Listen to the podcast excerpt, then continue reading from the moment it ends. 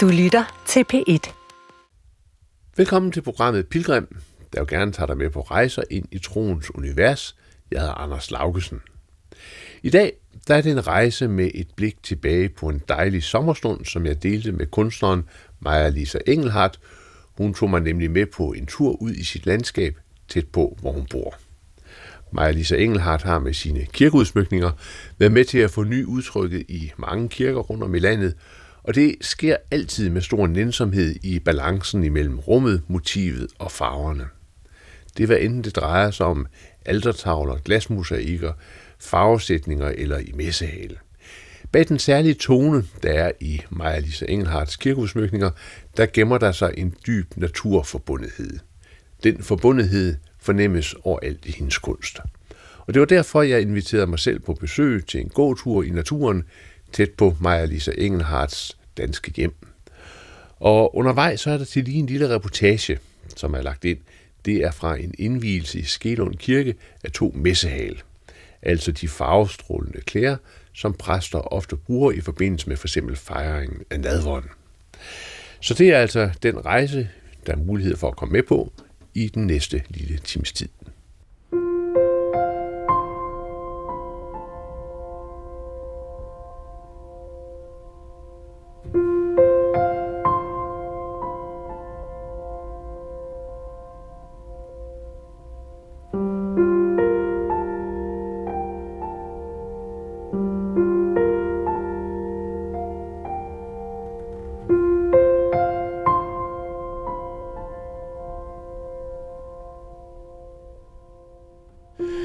Maja Lisa Engelhardt. Vi står her midt i blæsværet.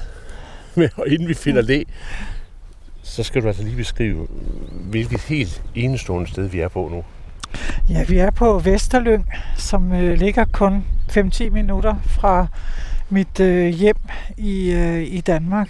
Og hernede, der er der en gravhøj, øh, en langdyse, som er helt øh, usædvanlig, og som jeg altid har været, eller ofte går ned og, og hilser på og, og ser på.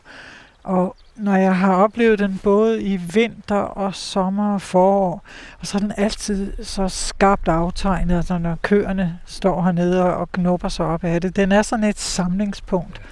Øh, det er den virkelig. Mine øjne falder altid herhen, når, når kommer kørende, så kigger jeg altid ned, hvordan gravhøjen har det.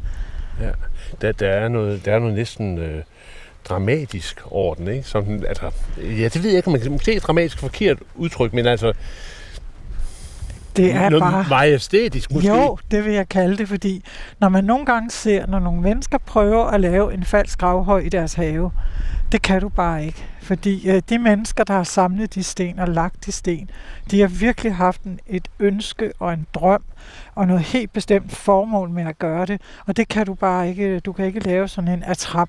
Nej. Øh, Det falder helt til jorden. Ja. Og jeg jeg synes, det er noget af det værste, jeg ved, når, når folk prøver at lave sådan en, en falsk gravhøj. Her der er vi, der står vi lige midt i den her cirkel, hvor nogle mennesker engang har lagt så meget vægt på det her, og været så uvisse om eftertiden og døden og livet og alt. De kunne jo slet ikke øh, vide nogen af alle de ting, vi ved sidenhen, så de har været fuldstændig rådvilde og har, har sikkert også haft en, en stor respekt for, for, for døden. Øh, Altså på, på en måde kan man jo sige, at de, de har lagt den her midt i et landskab, som åbner sig imod himlen. Der er, Jo. det, det er næsten som om, der er et mødested her imellem himmel og jord på denne her øh, slette af, af, af græs øh, og, og, og så udsigt ned til, øh, ned til havet. Ja, det der er smukt at tænke på, det her lidt flade område, det er så et, det største hedeområde, der er på Sjælland. Det var, at lige her, hvor vi står, det var dækket med vand øh, under, øh, lige øh, indtil øh, efter istiden. Og da den så sluttede istiden, så begyndte der at blive sand her, sandflugt og sandflyvning. Der er også nogle, nogle øh, flyvesandsbanker herude. Der er Mm. to klitter herude. Men der er de jo så nogle af de første, der så er begyndt at bygge her. Efter man, jeg har også fundet selv herude nogle stenredskaber, som fra de første mennesker, der så er begyndt at bo her efter, Mm. at, at øh, vandet forsvandt. Og det har hævet sig som, som det land, det er nu. Mm. Og derfor er det ret rørende at tænke på, at da de byggede her, der var der endnu mere fladt herude. Ja. Ja. Og så har de så rejst den her og fundet de her store sten nede ved, Ja. ved havet, hvor øh, de er så kommet op nordfra Ja. og slæbt de her sten ja. på en eller anden måde her, Ja, samlet dem. Ja, hvordan søren de har sig ad med de, det. men de havde nogle øh, metoder, de har gjort det på, altså Ja. ja. fordi det, det er enestående at tænke Mm. på. Maja-Lise Inger, har noget af det, som, øh, som når man sådan følger øh, din kunst og det, du laver, øh, noget af det, som man så fornemmer, det er, øh, hvor vigtig forbundethed er.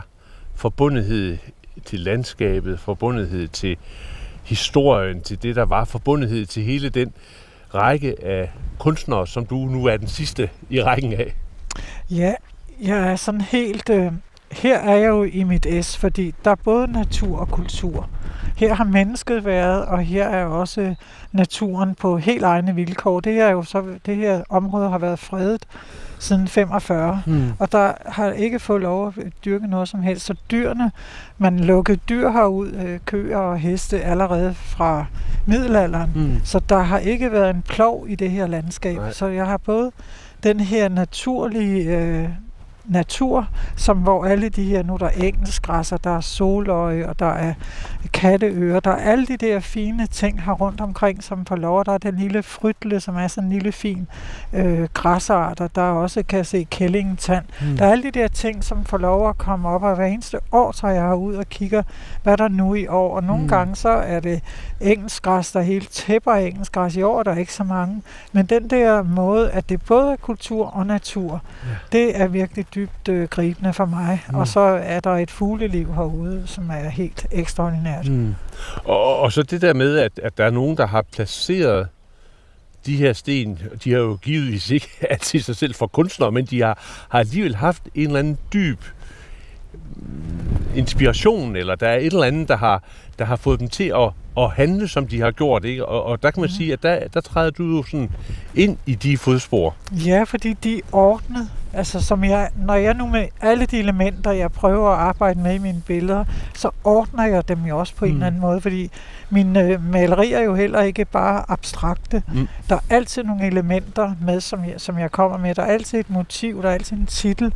Og her kan man sige, der er også, fordi hele naturen er her på sine egne vilkår, men så har mennesket altså været her og har anbragt de her sten for at ligesom øh, måske for at være gode venner med, med det, de var bange for, Mm. og så rejse noget her til ære for noget, øh, med en tanke om et efterliv, og, Mm. og en ærefrygt for, for noget, som var helt uvist for dem.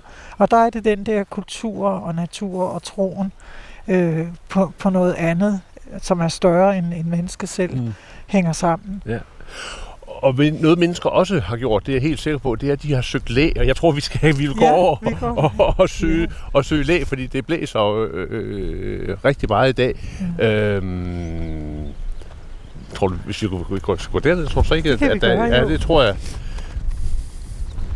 Du har jo været her på denne her egen mange, mange, mange, mange år efterhånden, ikke? Ja. ja. Det har jeg virkelig. Ja. Jeg ser den lidt som mit sted, selvom det er alle andre steder også. Men der er jo nogle steder, man, man har en helt særlig kærlighed til. Her, hvor man, er, altså, hvor man har været, når man var barn, det, det bliver altid siddende på en helt særlig måde for en. Og man oplever, man, eller jeg oplever det stærkere og stærkere. Se, når jeg kigger ned på de små, der var nogle små øh, ærenpris herhenne. Ja.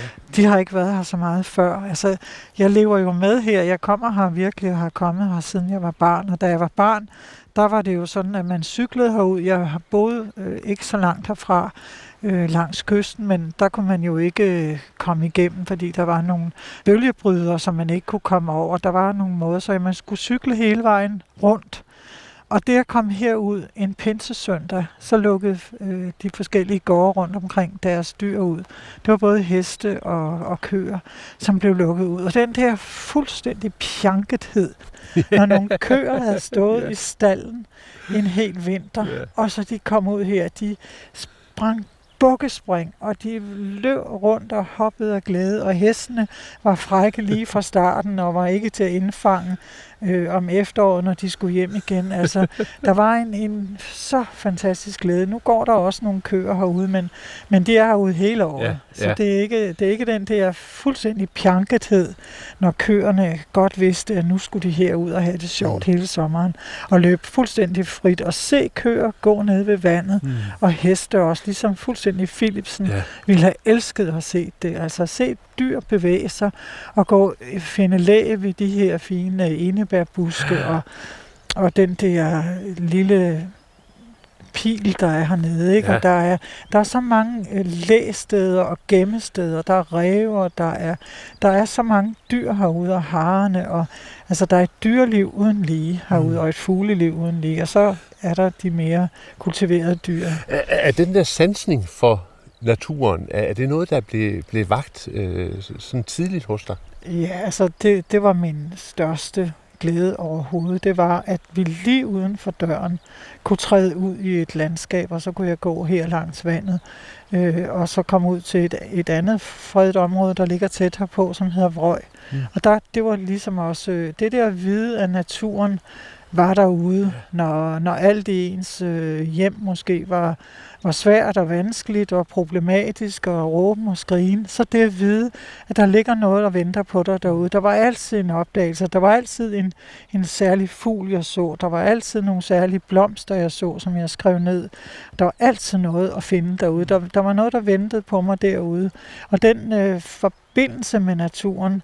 Ikke at jeg fandt trøst derude, men jeg fandt ud af, at jeg var fuldstændig et med naturen, mm. øh, lige fra barnsben af. Det var min allerstørste glæde, inden øh, man kan sige, at jeg også fandt troen via kirkegård, så var det min største glæde, det var naturen. Mm. Fordi den havde noget, øh, den forlangte ikke noget af mig, mm.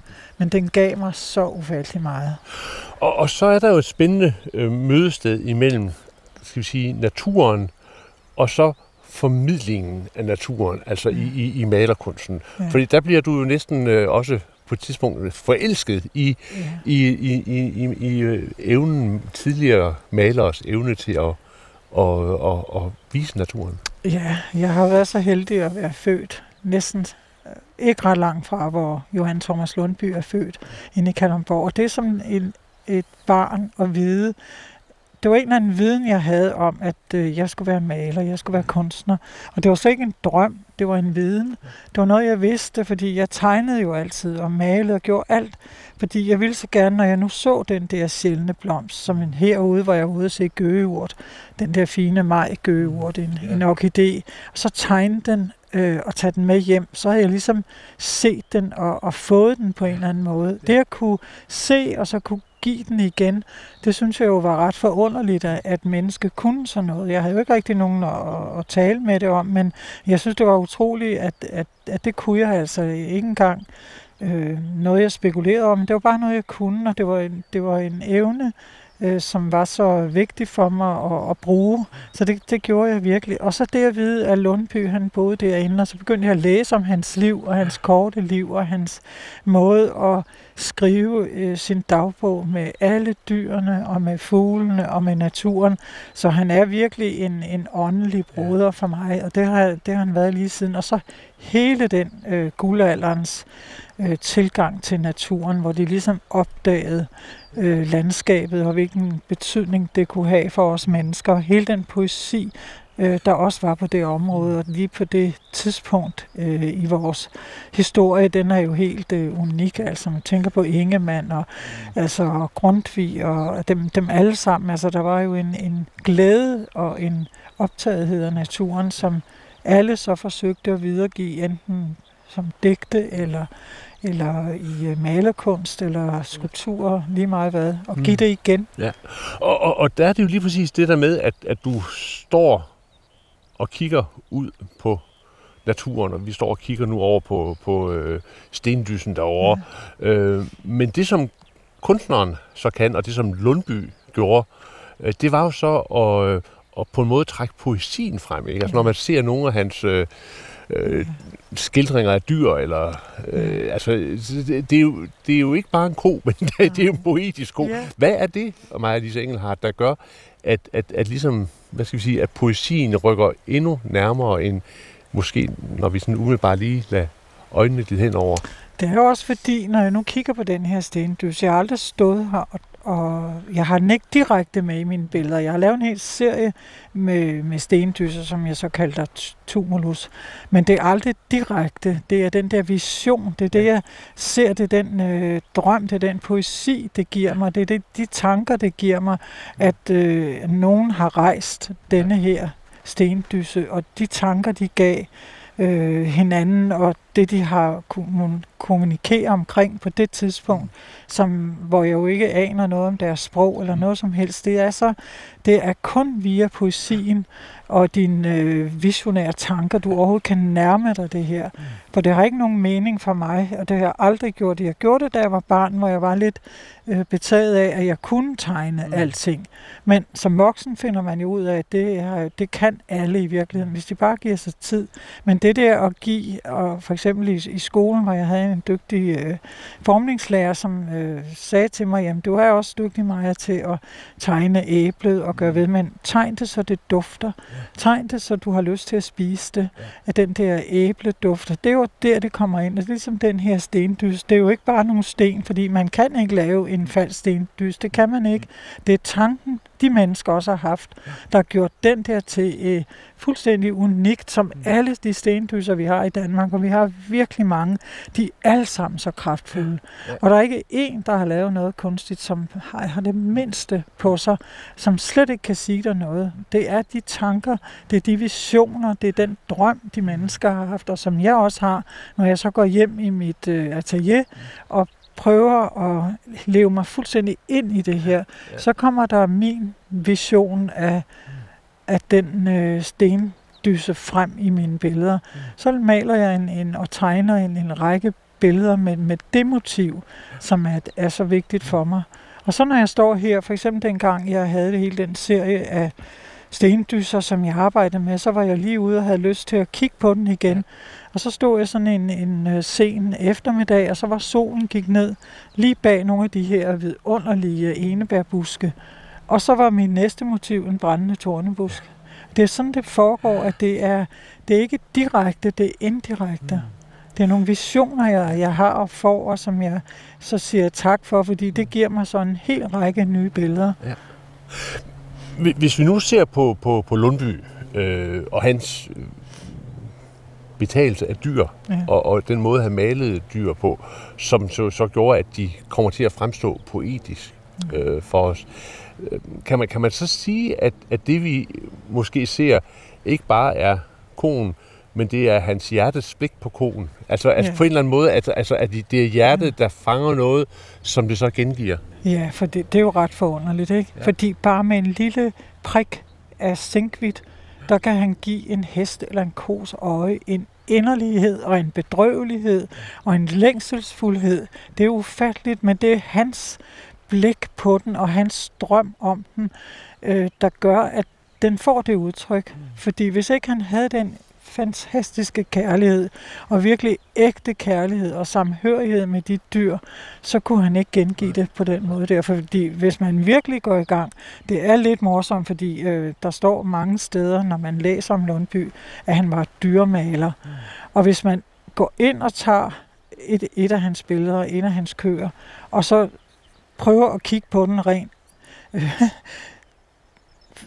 fuldstændig teknisk med hoved og hals og alting, så er den fuldstændig forkert. Hmm. Anatomien er fuldstændig ved siden af. ja. Benene er for korte eller for lange, og hovedet er for lille eller for stort, og der er to-tre lag af kroppe, som er helt... Den er fuldstændig forkert, men den er den inderligste, kæreste, ved mest vidunderlige ko, ja. som står der med sit blik og kigger ud i en eller anden længsel, noget den ikke forstår, og noget den længes efter. Ja. Og hvor han så med sin kærlighed, den fuldstændig rene kærlighed til de dyr, mm. kan skildre noget, som er forunderligt. Og ja. det er der kunsten kommer ind. Ja. Fordi der er andre, der har kunnet skildre. Mm. Øh, Potter lavede en fantastisk ko, som Lundby så i Holland. Øh, og den var jo sådan fuldstændig perfekt og Lundby var fuldstændig fascineret af den. Mm. Men sådan en, en tyr kunne han jo aldrig male, Nej, fordi den havde ikke noget blik. nej, nej. Og den var ikke, det var bare en, en flot tyr og intet andet Ja. end en virkelig et flot stykke kreatur. Men Lundby dyr er alle sammen øh, altså fuldstændig forkvaklet øh, Mm. rent anatomisk, men som de dyr, som er vores allerbedste medskabninger, Mm. der, der er de så vidunderlige Mm. altså, og inderlige. Nu, nu, nu- siger du øh, ordet blik, og, og, og, og det, øh, det synes jeg er et vidunderligt ord, og også ofte måske øh, overset. Altså øh, det at have blik for noget, eller blikket på, eller det at blive mødt af et blik. Mm. Øh, hvad tænker du om, om, om, om blikkets betydning? Jeg kan se, hvor meget det netop det bestemte blik, du kan have på en ting, kan fuldstændig forandre den, og kan forandre alt. Måden, du møder det på, måden, du ser det på. Hvis du allerede har en eller anden fordom eller en mur op foran dig, så, så ser du ikke noget. Mm. Altså, hvis jeg, når jeg går ud i, i haven om morgenen til alle mine fugle derude, som jeg fodrer, og som øh, jeg elsker at have den der kontakt med dem på den måde, de ved udmærket godt, når det er madmor, der kommer ud. Hvis jeg der har et sådan helt bestemt opfattelse af dem, øh, så hører jeg dem ikke, så ser jeg dem heller ikke. Mm. Det jeg så pludselig kan høre, når så er grænsangeren, og så er nattergalen, Mm. og, og være fuldstændig åben øh, og møde det med et åbent blik. Ja. Altså møde øh, naturen og dyrene og fuglene, og selvfølgelig også mennesker med et Mm. åbent blik. Giv det en chance, giv det en mulighed, og lad være med at ens fordom. Man kan fuldstændig blive farvet i sit blik Ja. af af noget, som man ikke ser det. Mm. Så ser man det ikke. Mm. Det gør man ikke. Nu, nu kender jeg det jo sådan lidt fra ikonernes verden, men, men øh, og jeg ved godt, at, at, at, at, at blikket i, i dine øh, malerier ikke er den samme type blik, men jeg vil alligevel våge påstanden af, at når jeg øh, rundt omkring i, i øh, forskellige kirker ser for eksempel den opstandende Jesus, hvor man jo ikke kan se blikket, men man bliver alligevel mødt af et blik. Mm. Hvad, hvad tænker du om det der med, altså en ting er vores blik på naturen, men altså det, at man bliver mødt af et blik af, af Guds blik. Ja, når jeg arbejder med min øh, skikkelse der, som, som jo var den Kristus, som, som Maria Magdalene Mm. så, og hun så kun skikkelsen. Ja. Hun kunne ikke se hans øjne. Mm. Det, det kunne hun ikke, fordi hun står i det der påskemorgen lys, som er så skarpt, at han kun er en kontur. Men ved, at, at, øh, at der gives mulighed for, at man selv kan finde det Mm. mm. blik Ja. i det menneske, der ja. står der, eller ja. den Kristus, der står der. Og der skal du åbne dig for, at han kigger på dig. Ja. Og så pludselig kan han være der. Ja, lige præcis. Øh, og det, hvis jeg nu havde malet en fuldstændig... Øh, men hvem skulle jeg så male? Jeg har Ja, ikke set nej, nej, Kristus. nej. Hvem, hvem skulle jeg bruge som model? Det, det ville være så falsk, hvad end jeg gjorde, at det ville jeg aldrig kunne, øh, aldrig kunne nærme mig.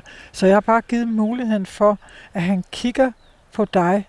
Hvis du åbner dig for ham, så kigger han på dig. Mm. Fordi så, så, så giver du selv mulighed for, at det blik kan komme Mm. til dig. Ja. Men øh, jeg, kan ikke, jeg kan ikke gøre det, Mm. fordi det, det vil være helt forkert i forhold til den måde, jeg arbejder på. Fordi jeg har ikke set Kristus, men jeg ved, han er der. Mm. Og, og jeg vil aldrig kunne øh, prætendere og kunne, kunne arbejde med ham på den måde. Mm.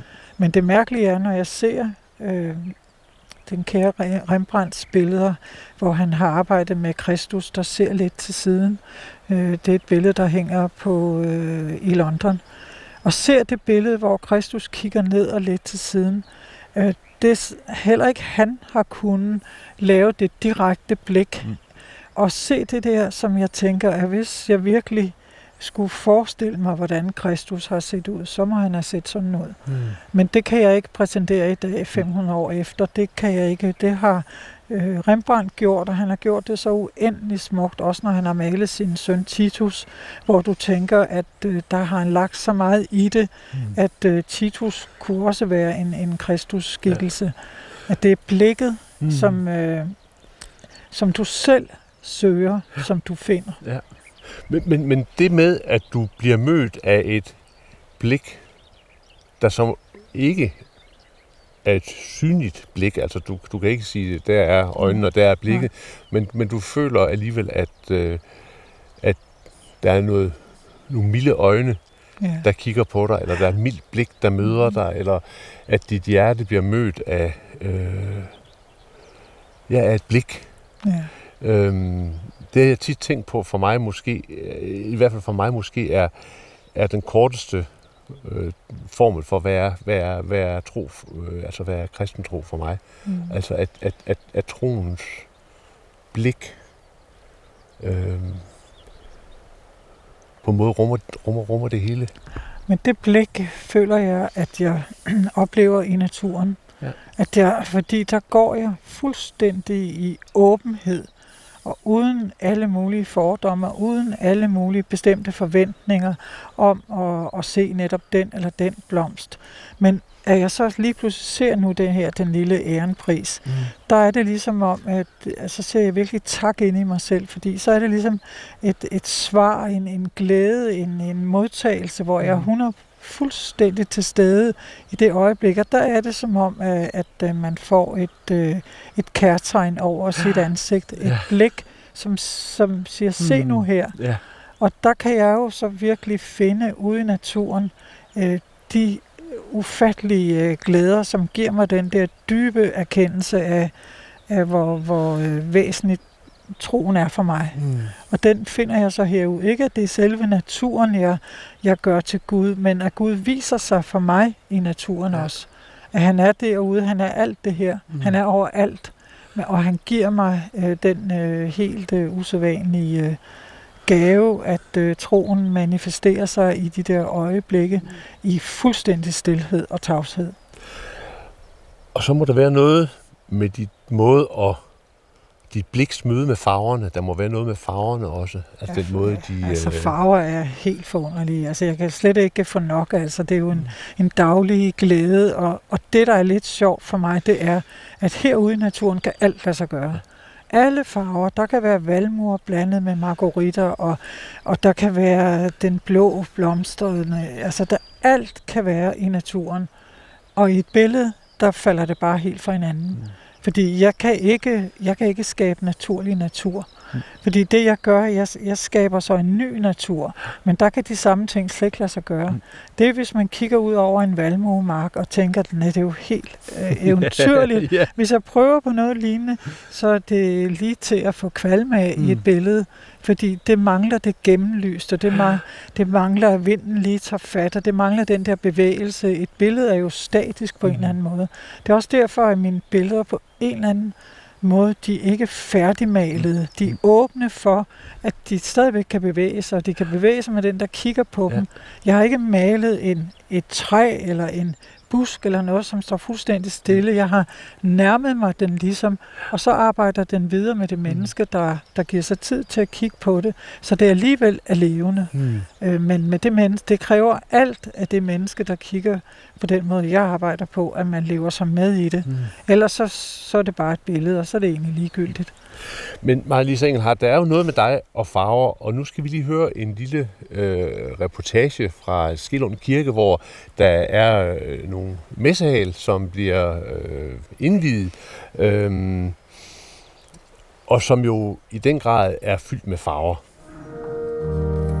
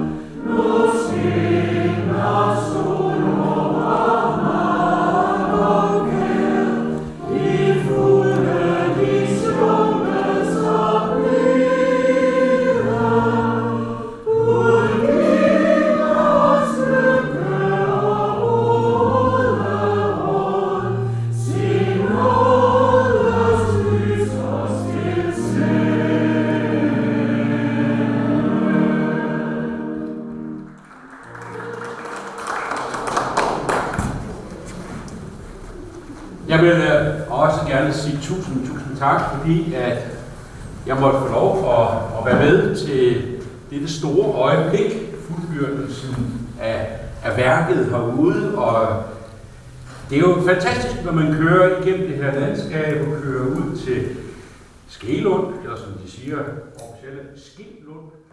Jamen, jeg var præst her i 35 år, da vi startede udsmykningen af, af kirken her med altertæppe og altertavle og de første to messehaler. Ja. Det er mange år siden, det var i 1998, vi startede udsmykningen. Og øh, messehalerne, de første to messehaler kom til at blive indviet 3. august 2003, ja. Ja, da jeg fejrede 25 års jubilæum her. Så det er en stor dag i dag, hvor det hele ligesom er. Det er en meget stor dag for mig også. Ja. Det er det, det er det for sovnen, for kirken, for stedet. Hvad har det betydet, og hvad betyder det, det der med som præst at kunne iføre sig et messehal? For mig betyder det noget, det betyder højtid. Ja. Ja. Og et signal om også, hvor er vi henne i årets forløb. Ja. Ikke også? Øh, farverne, og det er jo det, der er det gode også med de to messehaler, der er kommet til nu, hvor man har fået de to farver, som vi manglede før. Ja. Den violette og den røde er kommet i dag, før den grønne og den hvide. Ja. Ja. Altså, øh, så Ja, så kan vi følge med i, hvor vi er henne ja, nu, ikke? Altså, nu er det ja. den hvide hal, og det er glædens ja. tid, ikke? Og ja. foråret, og liv og lys, og ja. dejligt, ja. ja. det er skønt. Og Susie, du, du, du har sådan stået for formgivningen, jeg vil Ja, skrædder formgivningen. Skrædder, jeg kan bedst lide at kalde mig selv håndværker jo. Så, øhm, så jeg, har, jeg har været så heldig at få lov til at Altså nu kan man jo ikke sige, at der er så meget formgivning, fordi det jo er en messehale, men det som Maja, øh, Lisa Engelhardt, jo også har gået meget op i, det er jo, at det er en messehale, som skal kunne bæres af en kvinde og en mand. Øh, så det er, at den også tager sig godt ud på bænken. Øh, og det tror jeg egentlig, at det har været sådan meget af ideen bag ved, at den skulle virke øh, ikke for tung, men alligevel igen, hvor alle traditionerne jo nu følger med. Og så har det jo været vidunderligt at få lov til at, at gå ombord i de mest vidunderlige og ædle materialer, fordi ja. det er jo også det, der skal kunne fortælle noget om, om samtiden, og at vi også godt kunne finde ud af at lave noget, som er ordentligt i vores tid. Øhm, og det synes jeg, at det er så en af de ting, som der karakteriserer meget af, at det samarbejde med mig, det er, at man skal ikke gå ned på materialer. ja, fordi man, nu sad jeg på samme ben som dig. Vi sad lige bag ved messehalerne, der, hvor de præsterne sad foran, og man kunne bare se, man havde næsten lyst til at, at røre ved det, ikke? fordi det, man kunne simpelthen se, at det, det faldt flot, og det havde sådan en, øh, jeg ved ikke rigtig, Jamen, der er jo meget, altså tekstur er jo en vigtig ting, altså, og så er det jo så, er med, altså ulden, det er jo øh, marineul, og så er det jo så en 100% øh, bomuldsvelur, og så er det jo silke, en meget, meget lækker silke der i, som får, som også er tittekanterne. Men det er jo så det, der er gennemgående fra de gamle til de nye, og så er det jo så, at, at øh, Hannes fantastiske fortolkning af Meyers maleri til broderi jo jo virkelig får lov til at komme frem. Ja, det, er, det er specielt, og, og, og det er jo noget, altså, det er jo noget, der tager tid. Det er ikke, det er ikke noget, man bare lige Nej, det, gør. det tager den tid, det tager. Fordi at det jo også er noget, der skifter hænder. Øhm, altså, i, altså i forhold til selve startprocessen, der har Maja jo øh, bidraget med alle hendes øh, valg af farver, og det er jo virkelig altså, ned i nørderi. Øh, hvor tonen, det er ikke bare en tone, det er virkelig den farve, som der er. Og så også samspillet mellem materialerne. Og så var det jo så ligesom, det var jo så mine materialer, jeg skulle arbejde i. Så kom der jo hele materialet, øh, broderigarnen for Hanne og, og øh, Maja Lisa, hvor det jo så er, at der er det jo Majas penselstrøg, der skal formidles til et, et broderigarn. Og så har det jo så skiftet hænder rigtig meget mellem Hanne og jeg. Så, så det, det tager den tid, det tager. Hanna Harnov, nu står vi foran et af de nye messehale. Øh, violet, og så er der sådan centralt øh, broderier både foran og, og bag øh, på messehalet. Og du er den, der har stået for selve øh, broderiarbejdet. Prøv lige at fortælle om, hvordan man gør. Ja, altså øh, jeg arbejder ud for nogle skitser, som øh, Maja Lise har lavet. Og øh, det man gør, det er, at man tager et stykke hør på en ramme, spænder det meget stramt op. Så tager man et stykke silkestof på også, og på det der øh, former jeg og skitserer op øh, selve motivet. Øh, og så går jeg så i gang med at brodere det. Øh, og øh, ja, så tager det stille og rolig form, men øh, det jeg gør, det er jo, at jeg broderer mange gange oven på hinanden. Mm. Og som du kan se, så den blå øh, kvist, der er her, øh, er først broderet, og så har jeg broderet sølv ovenpå, og så er der nogle punkter af nyspungne kviste på, og, øh, og så er det så kranset ind af den røde. Ja. Det, det må være sådan næsten en helt meditativ proces ja, det er det også. Det er ja. det også. Ja, ja, ja, det er det. Men det er hårdt. Det er hårdt, ja. det er hårdt øh, for hænder, og, ja, ja. ja, men meget spændende. Hvor, hvor, hvor lang tid øh, tager det sådan cirka at brodere? Øh?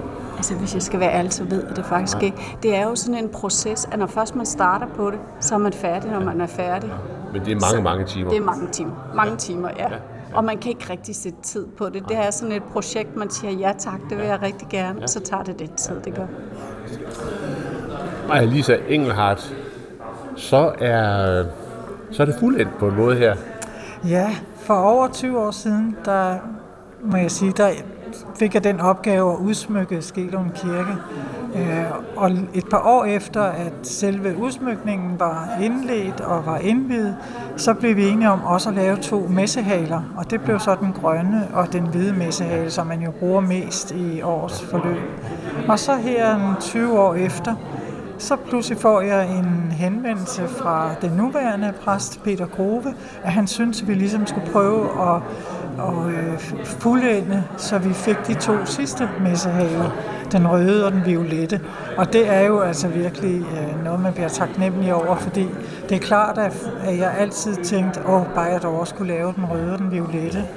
Og så er det, det sjove er, at den samme skrædder, Susse Thorsing, som syede de to første, hun var stadigvæk i fuld vi gør og dygtig og var med på at også sy de to næste.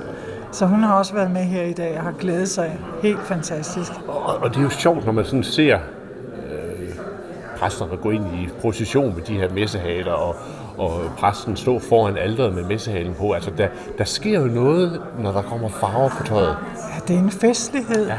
Og så når man ser de her fire præster, der går en efter hinanden i de her farver, så er det, jeg også har den der tanke, at man iklæder sig Kristus. Og man iklæder sig Kristus også for vores skyld, og for at, at lave det bindeled mellem, at det her er ikke en dagligdag. For det første er vi inde i en kirke, og så er det en søndag, og der er en indvielse, og det er festligt, og der kommer så fire præster, og i øh, spidsen kommer så biskoppen med sin fine bispekåbe, som dronningen har, har øh, broderet, og bedre kan det ikke gøres. Også tanken om, at man iklæder sig Kristus, og vi følges ad i den stemning, som er en højstemt stemning, som stadigvæk er nærværende. Øh, det er ikke dagligdag, men det er heller ikke fraværende. Altså, det er ikke sådan, at man føler en afstand. Man føler sig netop, at når de kommer gående der, så er vi en del af det, men de iklæder sig noget for at gøre det endnu mere festligt. Men, men, men så er der jo det der med, med, med, med stemninger, øh, jo er med til at pege ind på noget. Altså en stemning er jo ikke bare en stemning, men det peger jo også i en bestemt retning. Og der synes jeg, at det interessante øh, er, at når man så ser øh, farvesætningen i kirken her, som du har stået for, og så de her messehaler, så er der et eller andet, der gør, at de spiller utrolig godt sammen. Altså, hvis jeg har set messehalerne alene, havde jeg ikke sådan ting, at umiddelbart, at de vil spille ind her, men når de står der, så, så, så går det op i en højere enhed. Hvordan, øh, altså... Det er selvfølgelig en meget, meget stor glæde, og der er det jo, når man i et menighedsråd og præsterne har mod til at bede den samme kunstner om, fordi man opnår en helhed, man ellers ikke ville have opnået. For havde man bedt en anden kunstner om at lave de fire messehaler, havde det slet ikke været. Vedkommende kan jo ikke, jeg har jo levet mig ind i det her, jeg har levet mig ind i, at Maria er fjord, jeg har levet mig ind i, at det her er Maria øh, området og, og vandet og, og alt det lysindfald, der er her. Og de der messehaler skulle jo hænge sammen med kirke, og det, i virkeligheden så er det ikke mig, der har bestemt det her, det er kirken, der har bestemt det. Så det er Skelund Kirke, der har bestemt, hvad den godt vil iklædes. Og det synes jeg er vigtigt. Men, men, man kan jo se, øh, sådan en oplevelse i hvert fald, at det er som om, at, at farverne på en måde klinger sammen. Ikke? Eller, eller ligesom... Øh, Altså, øh, der er en sammenhæng. Der er en sammenhæng, ja. øh, Jo, og det er også det, fordi det her er ikke et museum. Nej. Og det er ikke en udstilling. Nej. Og de farver, jeg har sat på her i Skelum Kirke, ville ikke have fungeret i en anden kirke. Nej. Nej. Det er Skelum Kirkes farver, ja. og det er Skelum Kirkes messehaler. Ja. Og det er fuldstændigt øh, skabt til det her sted. Og det er der, hvor man så lige pludselig kan se, at der er en helhed i det hele. En helhed, der peger op til øh, Kristus, der står påskemorgen i, i øh, modlyset, nogle med Oh, oh,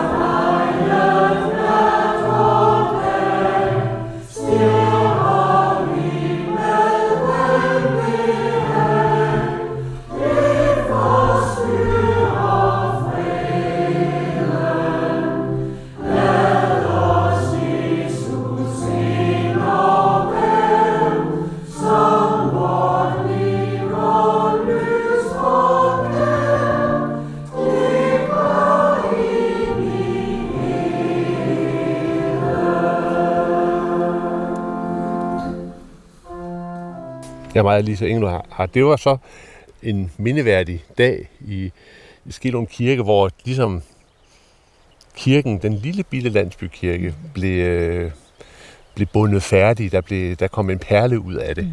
Ja, det er jo dybt rørende for mig at komme øh, omkring 20 år efter og så nogle år efter, jeg havde lavet de, de to første messehaler, og den øh, grønne og den hvide, og så kom til, at, at man ønsker at afslutte det hele med, at man laver også den røde og den violette. Ja. Og så se præsterne og vores øh, biskop gå ind igennem det her rum med, med de der øh, farver på, og, og den der glæde, der også er ved farver, mm. fordi farver bringer også glæde og liv, og, ja. og øh, altså det, det taler virkelig mm. til dine sanser. Ja. Ja, for man kan sige, herude i naturen, hvor vi står, der, der som du siger, der kan farverne stå sådan fuldstændig øh, helt, helt øh, alt muligt, helt alt kan lade ja, sig gøre, ja. ikke? Men, men når vi så træder ind i øh, kirkens farveunivers, og du har jo farvesat øh, en, en række kirker efterhånden, ja. så kan man jo se, at, at farverne i sig selv er med til at mm, stemme måske? Eller? Ja, det synes jeg jo er den mest fornemme opgave, man kan have som kunstner, at man går ind i det rum, og det var virkelig min første kirkeudsmyknings, øh, deciderede kirkeudsmykning, at komme ind i det her lidt øh, enkle rum, som det var dengang, hvor der var de her sædvanlige almuefarver, som mm. ikke er de sjoveste farver, der findes.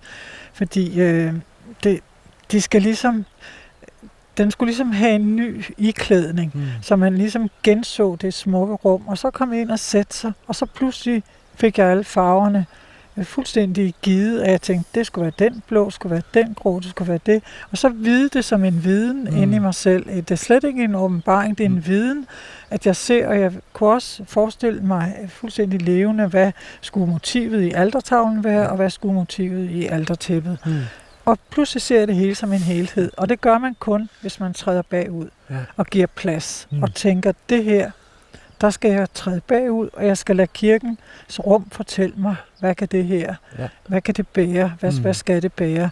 Og jeg har jo så kommet kørende op igennem landskaber, Maria, Fjord, og jeg har set nogle, de grønne og de blå, og, og det var ligesom det, jeg havde inde i ja. mit, øh, som jeg ligesom kom med. Her ligger den lille kirke deroppe, i, i det skønne landskab, så jeg bringer ligesom lidt, at den falder naturligt ind mm. i sit landskab. Ja.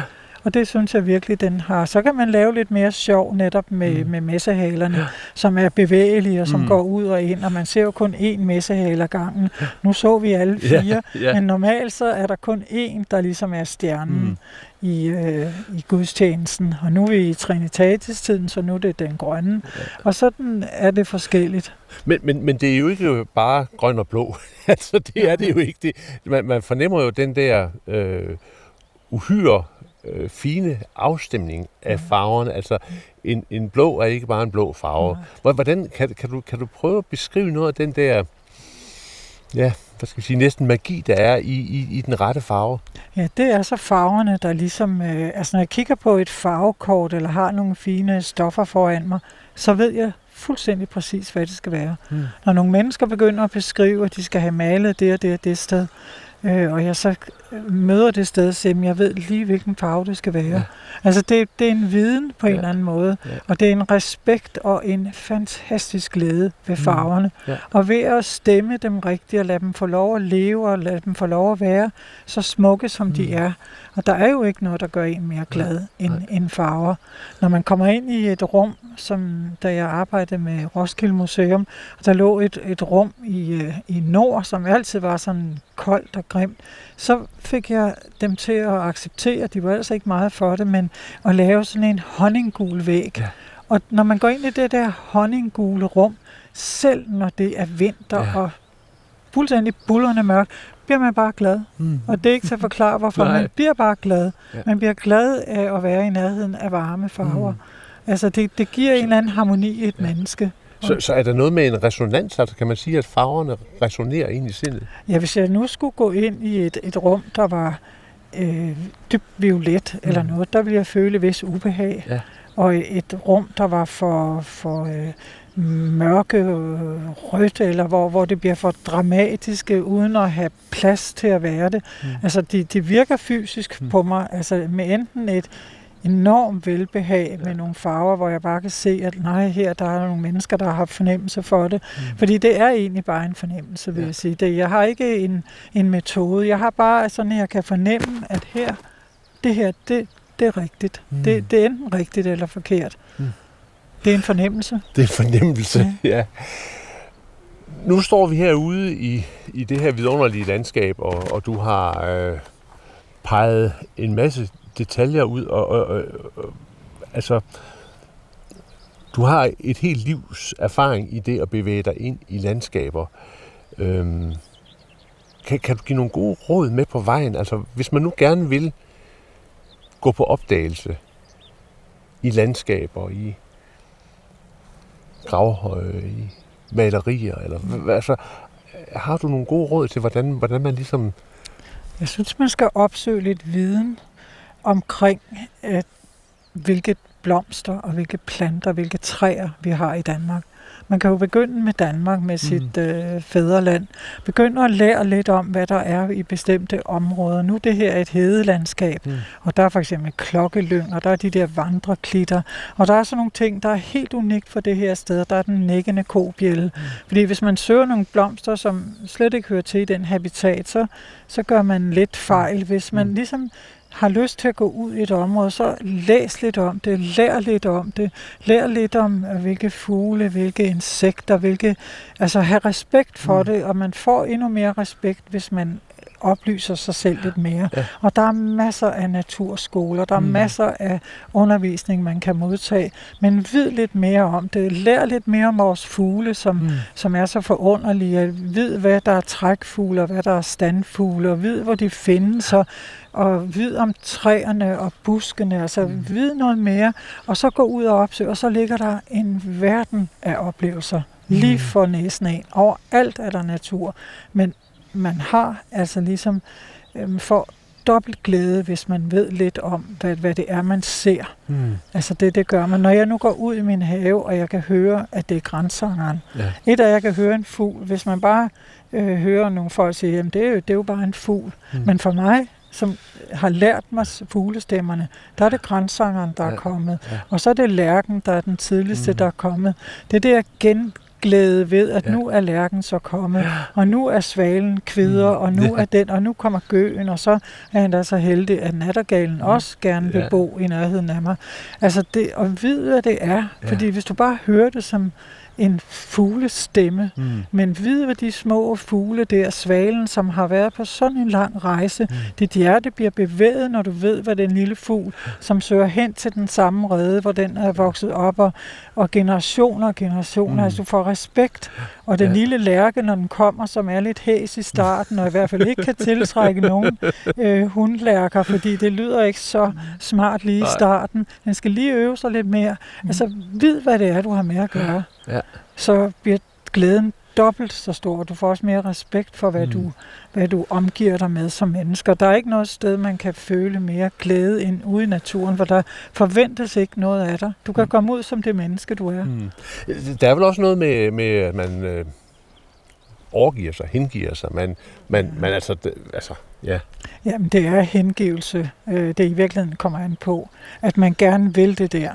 Og uden alle de der fordomme, din viden skal heller ikke spærre for den glæde, som jeg desværre kender nogle ornitologer, der er alt for fixeret på lige at vide, hvad det er for en fugl, om det er en hanne, om det er hun, om det er den og den. Øh, altså, man, skal, man må ikke glemme glæden ved, mm. ved, ved, ved det, man ser. Mm. Det skal smelte sammen med en vis viden, som man har som en baggrund, og så kan man så åbne sig fuldstændig over for den glæde, som mm. det øjeblik kan give en. Den glæde, som man kan finde ude i naturen, den, den tror jeg rigtig mange mennesker kan, kan, kan finde. Men så er der jo også noget med, at man kan gøre noget med den glæde. Altså der kan øh, være nogle øh, betydninger i den glæde. Glæden kan pege nogle ting hen, og der kommer vi sådan set ind på livsfortolkning og på troens verden. Altså hvordan, hvordan, øh, hvordan øh, er samspillet mellem de oplevelser, den glæde, du har ude i naturen, og så din tro? Det er fordi, det hænger så ufattelig godt sammen med kirkeåret. Med alt, hvad der foregår i naturen, hele den der forventning, når det er vinter, solværv, hvor der er kulde, og hvor det er den korteste dag på året, så ved jeg, at når jeg så kigger ud på en busk, at der allerede er små knopper, mm. som allerede viser, at næste øh, forår er på vej på en. Selvom det ser så sort ud, mm. og der er sne, og der er kulde, så ved du, at det er. Og vintersolvær ved du så også, at der er lige der, og så kommer julen, så kommer det lille barn, der bliver født, og, mm. og så begynder der nogle ting, og så allerede der omkring øh, juletid, der er de første erantis. Mm. Altså vi er så heldige at leve i et land, hvor øh, kirkeår og naturen hænger så utrolig fint sammen med årstid og kirkeår. Mm. Og der synes jeg, at jeg bliver, når jeg følger naturen og følger min bibellæseplan, det er som at læse det samme, og det hænger så naturligt sammen med, med hvad der foregår i, i historien. Det bliver, og det er jo år efter år efter år, at jeg mm lutres ved, at det, jeg ser de der sammenhæng, og jeg er dybt taknemmelig over at være vokset op i et lille land som Danmark, hvor det er så tydeligt, mm. og hvor der ikke er et skæld.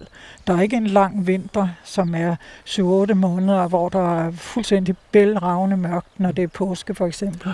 Når, når påsken kommer, hvor lyset også er mm. tilbage i Danmark, og hvor man kan glæde sig over alle de ting, der sker, så synes jeg, der er sådan en naturlighed, som, hvor troen og, og naturen hænger så helt fint sammen. Mm. Og så er det for mig Guds natur. Så er det Guds natur.